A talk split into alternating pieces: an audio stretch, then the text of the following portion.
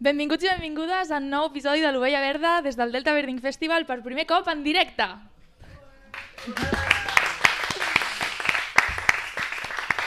Eh, lo primer, hola Marta, què tal estàs? Quant de temps sense gravar un podcast, eh? Doncs, hola Andrea, sí, realment bastants mesos des, de març eh, que ens van hackejar, però que bé, que bé tornar d'aquesta manera aquí al, al Delta Birding Festival. Sí, vam perdre el compte d'Instagram, això ens va desmotivar molt, era com que no teníem motius per seguir el podcast sense Instagram. Eh, no, no només això, sinó que a més estàvem treballant com és normal, però també estàvem, també estàvem estudiant les dues. Eh, la Marta estava estudiant un, un màster de comunicació científica i jo un postgrau també de comunicació científica, realment, i llavors al perdre el fil ens va costar una mica tornar-nos a posar, però al final ens va, no vam poder recuperar el compte, per tant ens vam fer un altre nou compte d'Instagram i aprofito, aprofitem per dir que ara és ovella verda barra baixa, ja no és ovella barra baixa verda, Eh, llavors, important, important perquè el, el compte hackejat segueix allà, però està caput, no s'utilitza i pot ser una mica un embolic.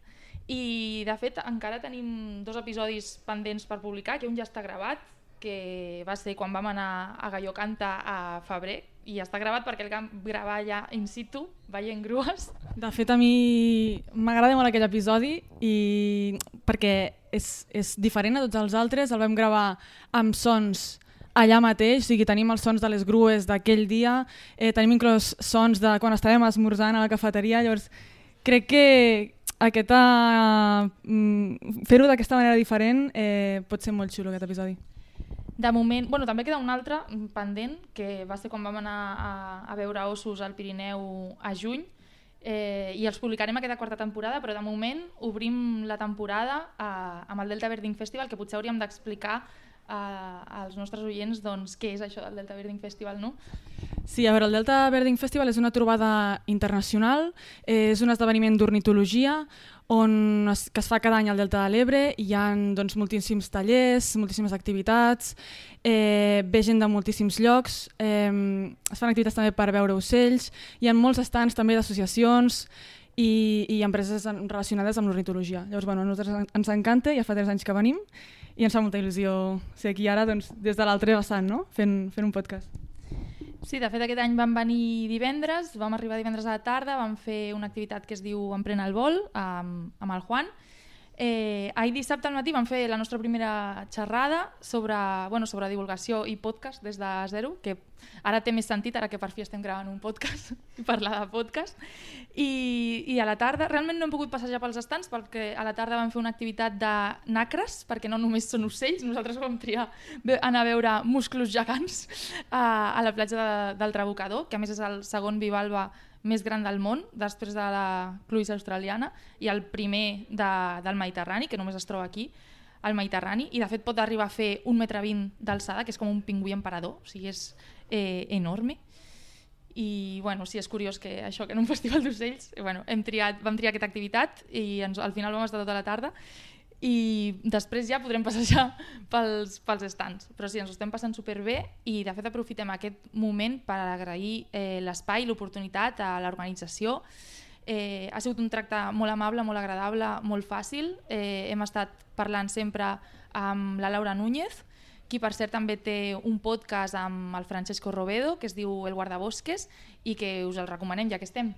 Sí, de fet nosaltres ja ho vam dir ahir a la xerrada, no? que sempre ens agrada donar-nos suport entre podcasters i, i divulgadors.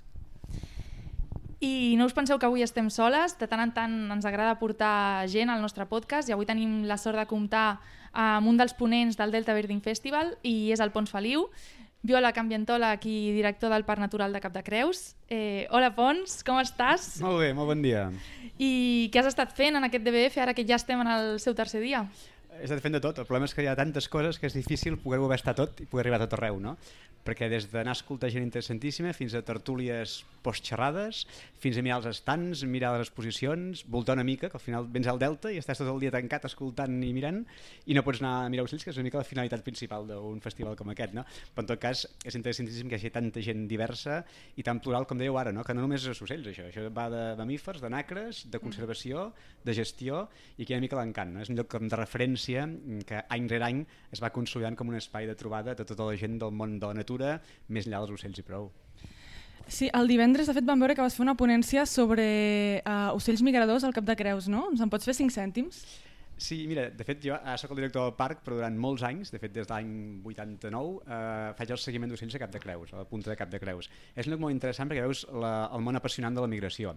És una península que surt cap a l'interior del mar d'uns 10 quilòmetres, llavors és un lloc molt bo de migració. Els ocells que estan aquests, fent aquests viatges migratoris, que han passat l'hivern a l'Àfrica o al Mediterrani Sud i se van a criar al nord d'Europa, el que fan és eh, atravessar seguint el litoral i en llocs on les penínsules marines entren molt dintre el mar, són llocs privilegiats mm. perquè veus activament com estan migrant aquests ocells. No?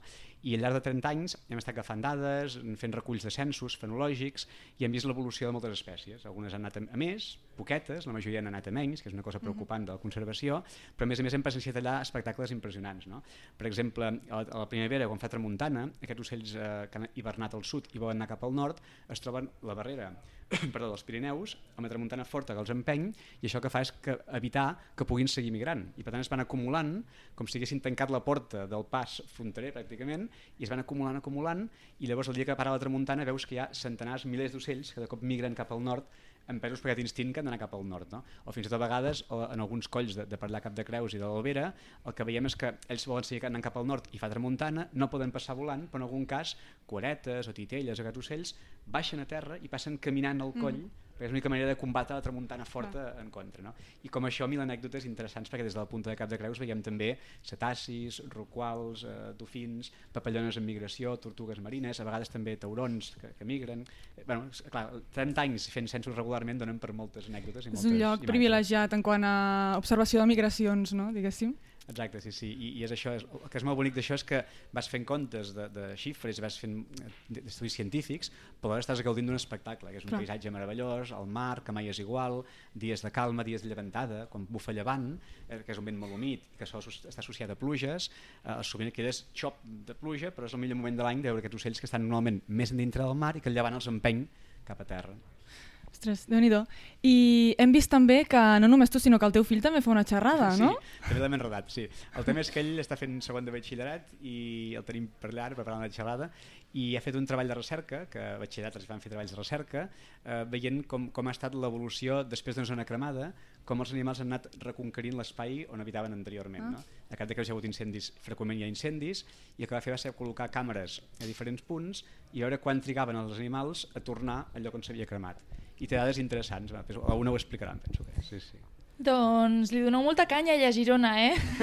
Mira, fixa't que parlarem eh, del Parc Natural de Cap de Creus des del Delta de l'Ebre, és, és bastant... Si és que sempre s'ha de parlar de Girona, eh? Girona Rai, que diuen, eh?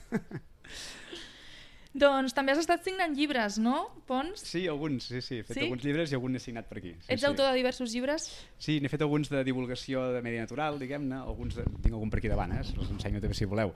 Uh, algun com aquest que es diu Natura per a petits i grans, que varen fer juntament a l'Alba Casals, que és un llibre que el que fa és recollir experiències, tallers, uh, maneres de fer, doncs, de gaudir de la natura tot aprenent, des de fent jocs fins a identificar algunes espècies d'insectes, de, de plantes, bueno, bàsicament fer tallers amb, amb, amb, amb, amb flors, eh, fer caixes niu, etc. No? I aquest és un doncs, interessant per, per gent jove, podríem dir. Llavors, n'hi ha més científics, podríem dir, com aquests d'aquí, els anuaris ornitològics, que el que fan és recollir doncs, eh, ocells de cap de creus a altres llocs. Uh, he fet guies de natura d'itineraris per, per Aiguamolls, per Cap de Creus, per Girona, i llavors també uns com aquests d'aquí, que aquest és el pedals i plomes, no? que això suposo que també en voldreu parlar, sí. que és el tema del green bearding. Sí, sí. sí aquest eh, el volíem destacar. Uh, ens agrada molt el títol aquest de pedals i plomes, creiem que està molt ben encertat Eh, bueno, explica'ns una mica què és això del green bearding. Sí, eh, mira, el green bearding és una, una manera de gaudir de la natura de forma totalment sostenible i això ho fan molt a Anglaterra, als Estats Units, aquí comencem a fer-ho alguns, eh, dir friquis una mica, alguns apassionats, que consisteix en anar a la natura i fer-ho de forma sostenible, que vol dir intentant emetre el mínim possible de, de CO2, intentant ser el màxim possible doncs, eh, harmònic i integrat en la natura. No?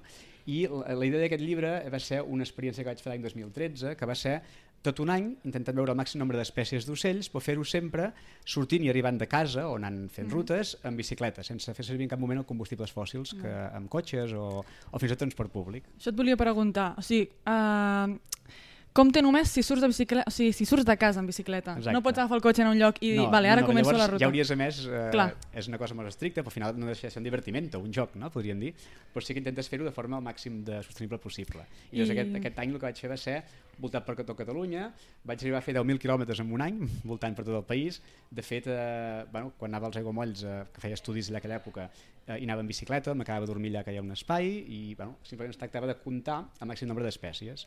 I vaig fer una ruta per tot Catalunya, bàsicament l'Empordà i comarques gironines, però també vaig arribar a Lleida, vaig arribar al Pirineu, vaig baixar fins al Delta i al final vaig veure, eh, aquest any van ser 304 espècies en un any, que de fet ho vaig saber després, va ser el rècord i encara és el rècord d'Europa, o sigui, encara, més que un mèrit meu, és un mèrit del territori, i aquí és interessant per parlar d'on som.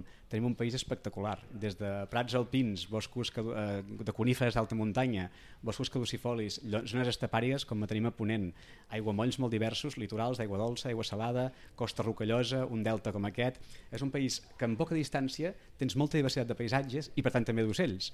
I a més és un lloc mediterrani, que ja de per si és més divers que no pas un lloc de l'Àrtic o del nord d'Europa. Hi ha gent que ho ha fet a Anglaterra, que n'han arribat a 300, malgrat estar tot l'any buscant per, per Anglaterra. No? Llavors, bueno, més que un mèrit meu, és un mèrit del país, que tenim un lloc espectacular de, de diversitat.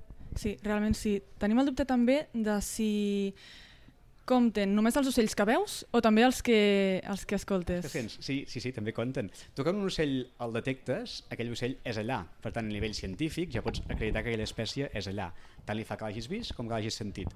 Si no estaries donant més valor a un sentit que és la vista que a un sentit que és l'oïda. Mm, I per què una cosa o altra? L'important és que tu l'has detectat i l'has pogut gaudir. I de fet moltes espècies, com els mussols o altres ocells petits, s'identifiquen més bé per al cant que no pas per la vista. Tu veus una, segons quina mosquitera, segons quina buscar-la, i segons el cant que fa o el reclam que fa l'identifiques amb més fiabilitat que no pas purament si el veus. No? I en el cas dels ocells nocturns, moltes vegades és molt difícil veure un duc, un camarús, un òliba, un xot, en canvi la nit el sents fàcilment, ja l'identifiques i per tant el pots comptar.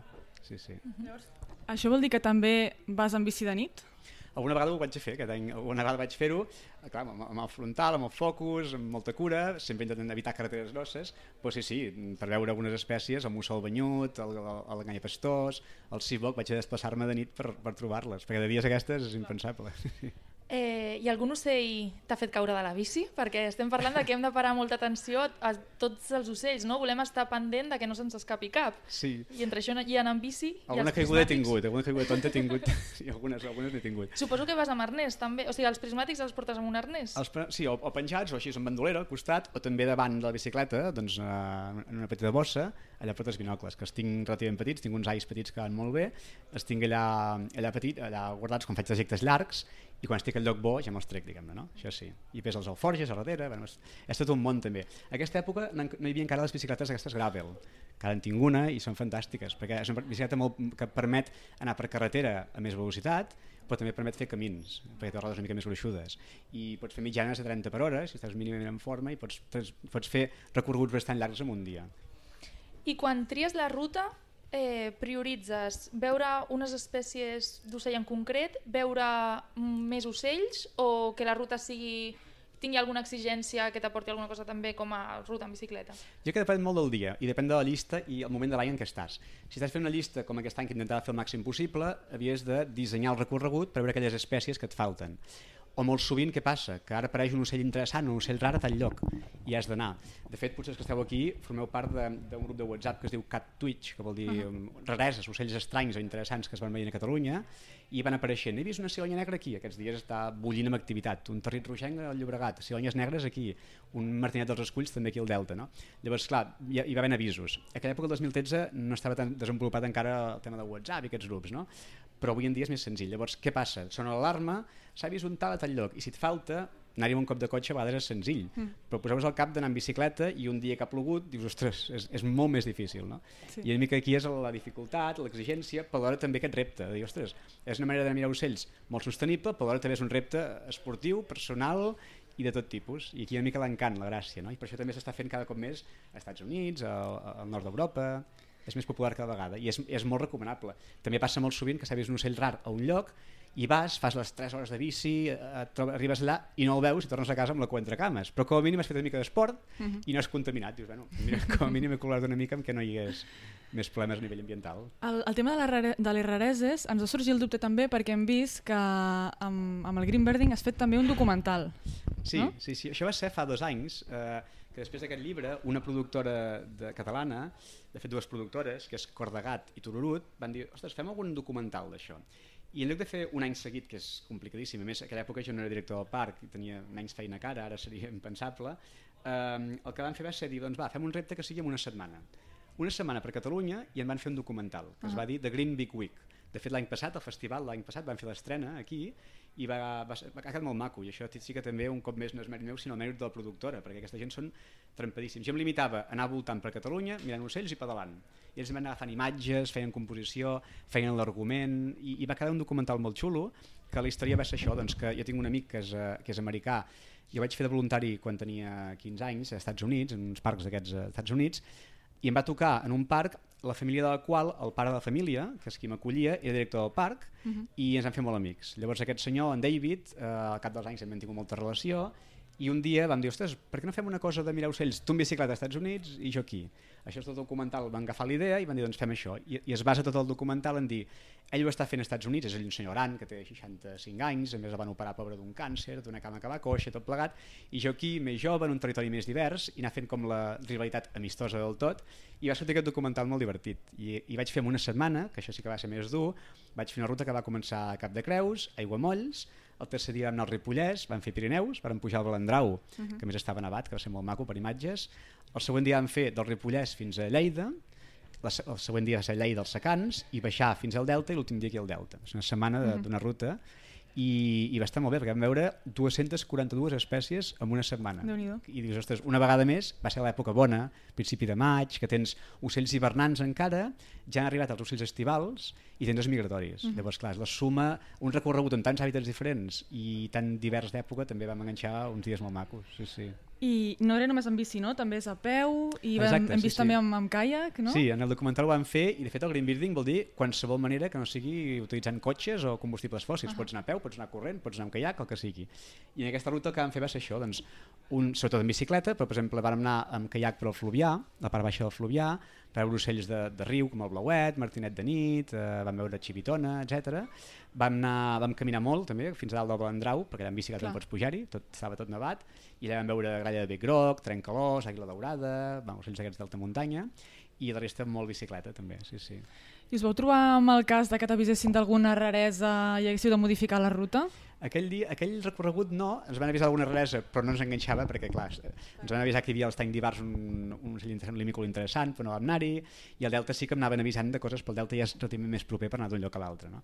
Però en una setmana vas amb el temps molt collat, i més amb gent a darrere que anaven fent un documental. Que tot s'ha de dir, és un documental que és de green bearding, però clar, jo portava darrere uh, gent amb, amb cotxe que, port, que anaven contaminant, diguem-ne, això sí.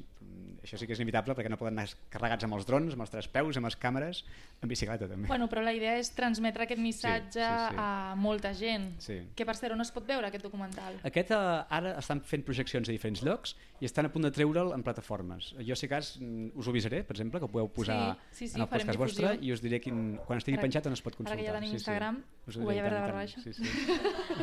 Tornem-hi, si digueu. Bueno, també volíem comentar a veure, nosaltres som ambientòlogues també, eh, com, bueno, com tu que també ets, ets biòleg, i tenim una pregunta eh, com, o sigui, com a ambientòlogues, però també jo crec que segons quina gent que ens escolti també li interessa i és com s'arriba a ser director de Parc Natural de Cap de Creus? Quin ha sigut sí. el teu recorregut a grans trets? Bueno, jo, sí, jo, soc, jo, jo vaig fer biologia, vaig fer ambientals, vaig fer un màster després en gestió pública i vaig treballar molts anys com a consultor ambiental fent estudis a diferents, a diferents punts. No?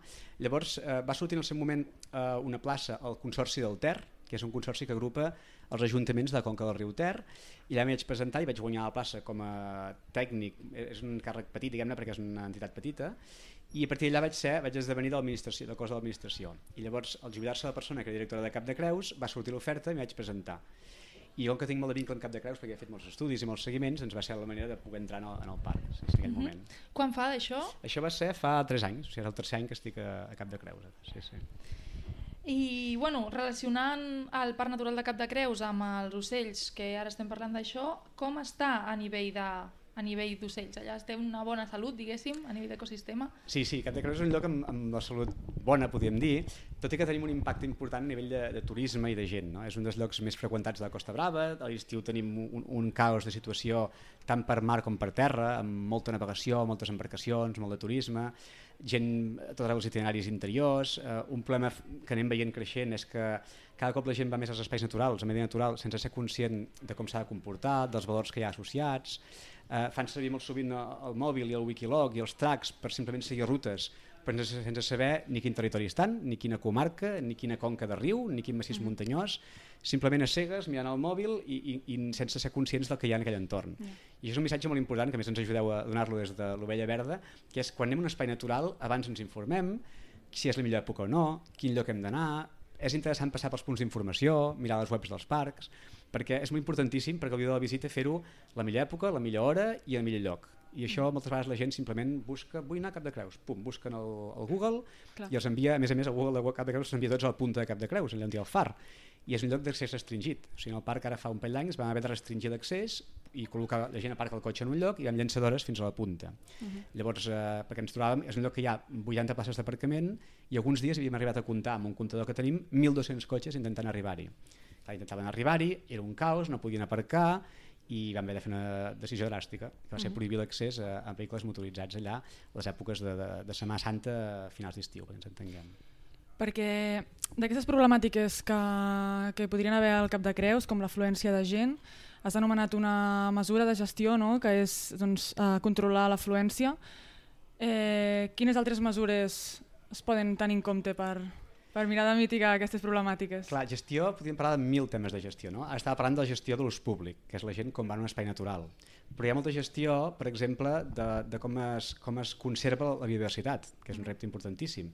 I ho pots fer de moltes maneres. Una cosa paradoxal de Cap de Creus, per exemple, és que antigament hi havia molta pastura, molts d'incendis, i això, que pot ser vist dolent perquè hi havia molta intervenció humana, o incendis forestals, que en general són dolents, a Cap de Creus en concret no té per què ser dolent.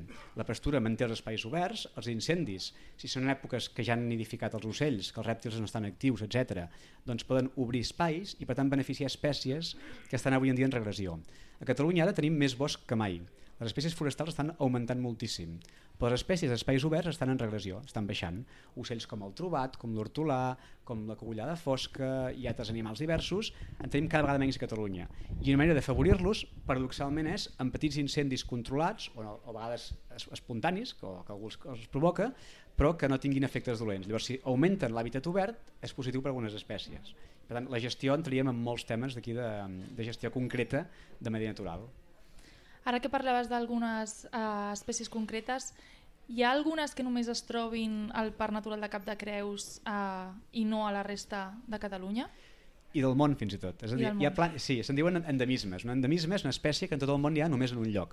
I a Cap de Creus tenim algunes plantes, la més famosa és la Cecily, que és una espècie que en tot el món només n'hi ha a la punta de Cap de Creus, i en concret ben bé a l'extrem oriental de, de la punta, Cecily ferrenyi, i és una espècie endèmica. I només en, en quedaven 300 exemplars fa uns anys, ara hem trobat una població que ha doblat el nombre d'exemplars que tenim, per tant en tenim una mica menys, ara s'està calculant que n'hi ha unes 700 i escaig, però totes elles concentrades en un punt concret.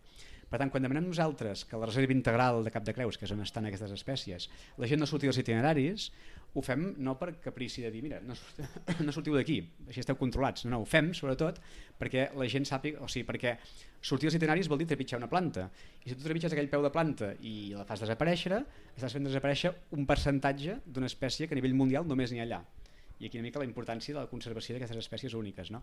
Però passa el mateix amb alguna espècie, per exemple, de cargol. En tenim un que es diu Mastigophalus, no Mastigophalus rangianus, que és un cargolet, que també és endèmic de Cap de Creus. O altres plantes com l'Armeria russinonensis o l'Herodium, que n'hi ha només a Cap Norfeu. Vull dir que hi ha singularitats i, per tant, clar, això és, un, això és una càrrega més per als gestors del parc, perquè és molta responsabilitat. Una espècie que en tot el món hi ha només en un lloc, si desapareix, és culpa teva, perquè ens entenguem. No? Per tant, és màxima responsabilitat i màxima exigència de, de gestió. I seguim parlant de la gestió del parc natural. Hi ha alguna cosa que es pugui fer per, o que s'estigui fent per mitigar els efectes del canvi climàtic? Bueno, mira, a part del green building que parlàvem abans, que això és la contribució que podem fer tots amb el canvi climàtic, intentar reduir al màxim la nostra petjada, etc. A nivell de canvi climàtic, eh, el que estem evidenciant al parc és que hi ha canvi climàtic. Ara, des d'un parc natural, com pots contribuir-hi? Bàsicament amb sensibilització, educació ambiental, estem fent moltes campanyes d'educació ambiental en general. Per exemple, una cosa molt maca que hem fet ara ha estat crear la xarxa d'escoles i instituts del parc. Tota la mainada, tots els nens i nenes, i nois i noies, perquè també els instituts, dels municipis del parc, tots ells ara tenen una agenda escolar, no n'he portat cap ara, ja us la faré arribar si no, una agenda escolar que els identifica amb el parc. És una agenda que, com totes les agendes escolars, doncs vas apuntant les coses, els deures, els exàmens, però cada setmana donem un missatge. Per exemple, aquesta setmana ara arriben les hornetes, ara floreix l'estepa, ara comença a cantar Un algú. calendari fenològic, Un calendari no? fenològic. Al final, experiències també per fer, tallers per fer. I llavors això que fa és identificar els nois i noies de Roses, de Llançà, de Cadaqués o del Port de la Selva i els vuit municipis del parc, amb no només el seu municipi, sinó també el parc natural. Per tant, això crea essència, crea territori i crea consciència. No? Això és un dels molts projectes que fem amb, amb ells. O, per exemple, formació de professorat. Professorat d'aquests instituts o escoles, els fem durant uns quants dissabtes tallers de formació perquè coneguin més el seu entorn i puguin traslladar-ho més bé en, el, en els alumnes. No? Això és una de les moltes coses que es poden fer per mitigar indirectament el canvi climàtic. És consciència, el però és complicat diu a de- nivell, és el que diguem sempre, és complicadíssim actuar en una cosa tan general, però sí que els petits canvis són poderosos, que deia Enciam, i per tant, si cadascú fa alguna cosa més ben feta possible, entre tots ho podem millorar. És una mica el que diuen de conèixer, estimar i protegir, no? Si coneixem alguna cosa voldrem, Sí. voldrem I, protegir-la. i valorar-la, donar-li I valor, valorar-la, saber que té valor allò. I els últims mesos hem, bueno, s'ha estat parlant, i ho hem vist, eh, bastant de sequera. Al Cap de Creus com es viu això? És una sequera molt dràstica, Cap de Creus. Ara mateix estem amb xifres de clima eh, semidesèrtic, de clima separi. O sigui, tenim unes pluges que estan per sota de 200 mil·límetres aquest any, i estem al setembre ja. Clar, per sota de 200 és el que hi ha a Cabo de Gata o els secans de- d'Aragó o el nord del Marroc, i que estem amb xifres molt baixes. Però el problema és que ja el tercer estiu que tenim pluges tan, tan minces, tan escasses. Eh, De fet, el suro, el- l'alzina surera, que en diguem suro l'Empordà, és una espècie adaptada a la sequera, però ja és el tercer estiu que al mes de juny ja han deixat anar la fulla els, els exemplars. És una defensa que fan per dir, bueno, aquest any no creixeré, no faré creixement vegetatiu, elimino la fulla per resistir la sequera. Això si ho fas un any és una defensa per un any sec. Si ho fas dos, te'n surts, és el tercer any. I ens fa por que a partir d'ara ja sigui tan dràstica aquesta, aquesta mesura que potser no puguin tornar a viure i potser realment s'acabin morint arbres que tenen dècades que han aguantat. No? És un efecte més del canvi climàtic, la pujada, la pujada de temperatura. Aquest any el, el mar estava calentíssim. Les Gorgònies, que al cap de Creus no he comentat, però és un parc terrestre i també marí, també una part molt important marina. Les Gorgònies estan morint per excés de temperatura, els que hi ha més superfície. Hem arribat a 27-28 graus quasi de temperatura en alguns moments de l'aigua de mar. S'està tropicalitzant el mar, estan entrant espècies abans hi havia un, un, un peix que es diu fadrí, que és molt bonic, que és més típic d'aigües més càlides, del sud de la Costa Brava, i ara en tenim ja a la banda nord de Cap de Creus. O està arribant, per exemple, el, el peix globus, que és una espècie que ha arribat, és una espècie lesepsiana, que es diu, que van entrar amb l'obertura del canal que va fer Lesseps, del canal de, d'Egipte, de Suez, i aquestes espècies han entrat per allà, s'han adaptat al Mediterrani, que és més càlid, i estan arribant a, aquí dalt. Eh, doncs, Pons, parles amb molt de coneixement i amb molta passió per la natura.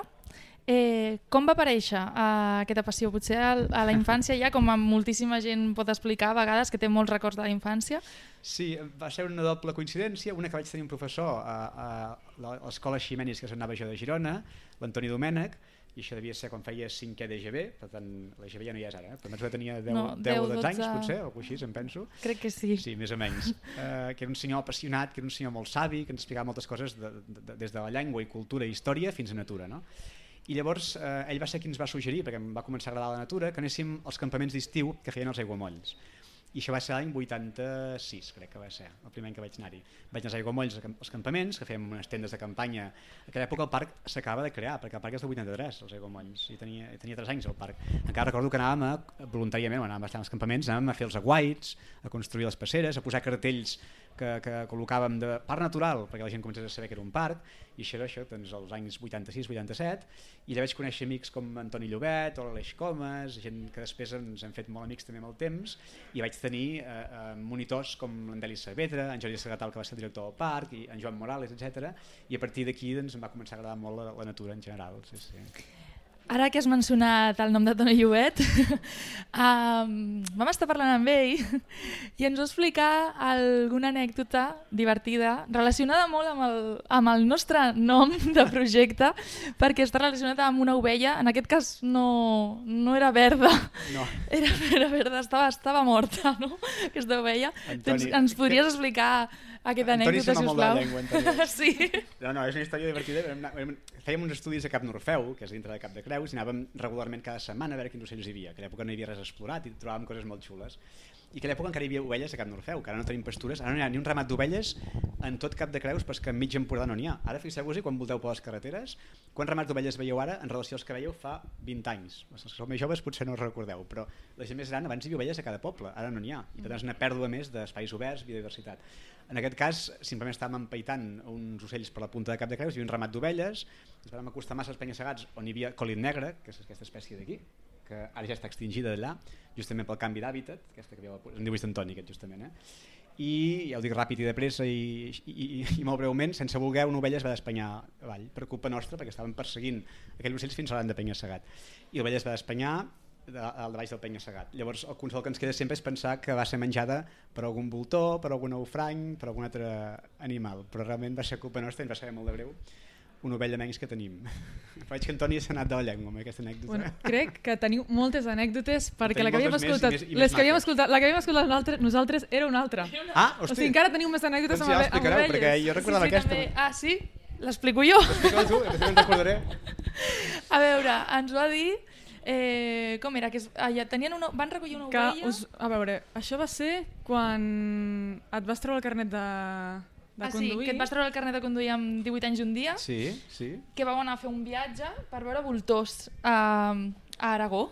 Va dir Aragó, Guara, potser? Sierra de Guara. Sí. Ah, sí, sí, sí, sí, va dir aquest Però, nom. però encara no lligo caps, eh? Seguiu, seguiu. Veure. Vale, eh, doncs crec que com volíeu veure voltors, us vau trobar amb una, amb una ovella que estava morta i vau dir, ostres, la podríem ah, sí, aprofitar. Sí, sí, sí, sí, sí, La, pod- eh, vau, la vau recollir i la vau portar com a, no sé, a darrere el cotxe o alguna cosa així, no sé si era una furgoneta, no, no sé ben bé. Nissan Patrol. Un Nissan Crec que, Patrol. o sigui, crec que, és bé, o sigui, crec que estava com a l'aire, o sigui, no estava dintre de, del cotxe, diria. Bueno, sí, sí que estava dintre, sí. Ah, sí? Sí, Vale, sí que estava dintre. Un patró Vale. Però estava dintre del cotxe. Sí, Però que en algun moment us vau oblidar que teníeu aquesta ovella i llavors Sí, vau sí. arribar a algun poble a posar benzina o alguna cosa així i de sobte l'ovella es veia, no? I, i, que, i com que, ostres, l'ovella que està aquí, que com que la gent l'havia vist, diem, però aquesta gent, aquesta gent... No me'n recordava d'aquesta, és veritat, eh? Parlava de l'altra, però aquesta sí, sí, tant. I, I encara en tinc una altra d'aquestes bèsties d'ovelles. Que, ja que estem amb l'ovella verda, una vegada, això, això encara és més bèstia, una vegada, amb en Jordi Segatal, això era més als anys eh, 90 i pico, volíem fer un canyet de voltors, perquè el voltor tornés a l'Empordà. Hi havia un canyat que estava a la zona de les Salines, a l'oest de l'Empordà, que hi portaven cadàvers d'animals que apareixien morts. I en Jordi Segatal, a aquella època, era el director del parc dels Aiguamolls, me diu, Pons, hi ha un, un boc mort, diu, a, a les llaunes, a, a les, a la zona de Rogera, als Aiguamolls a l'interior. Diu, vés a buscar, sisplau, carrega en el patrol aquest mateix, perquè aquell patrol és molt sofert, i porta'l cap a dalt. I arribo, arribo allà dalt i el boc, no estava, el boc aquest no estava mort, estava agonitzant, estava allà.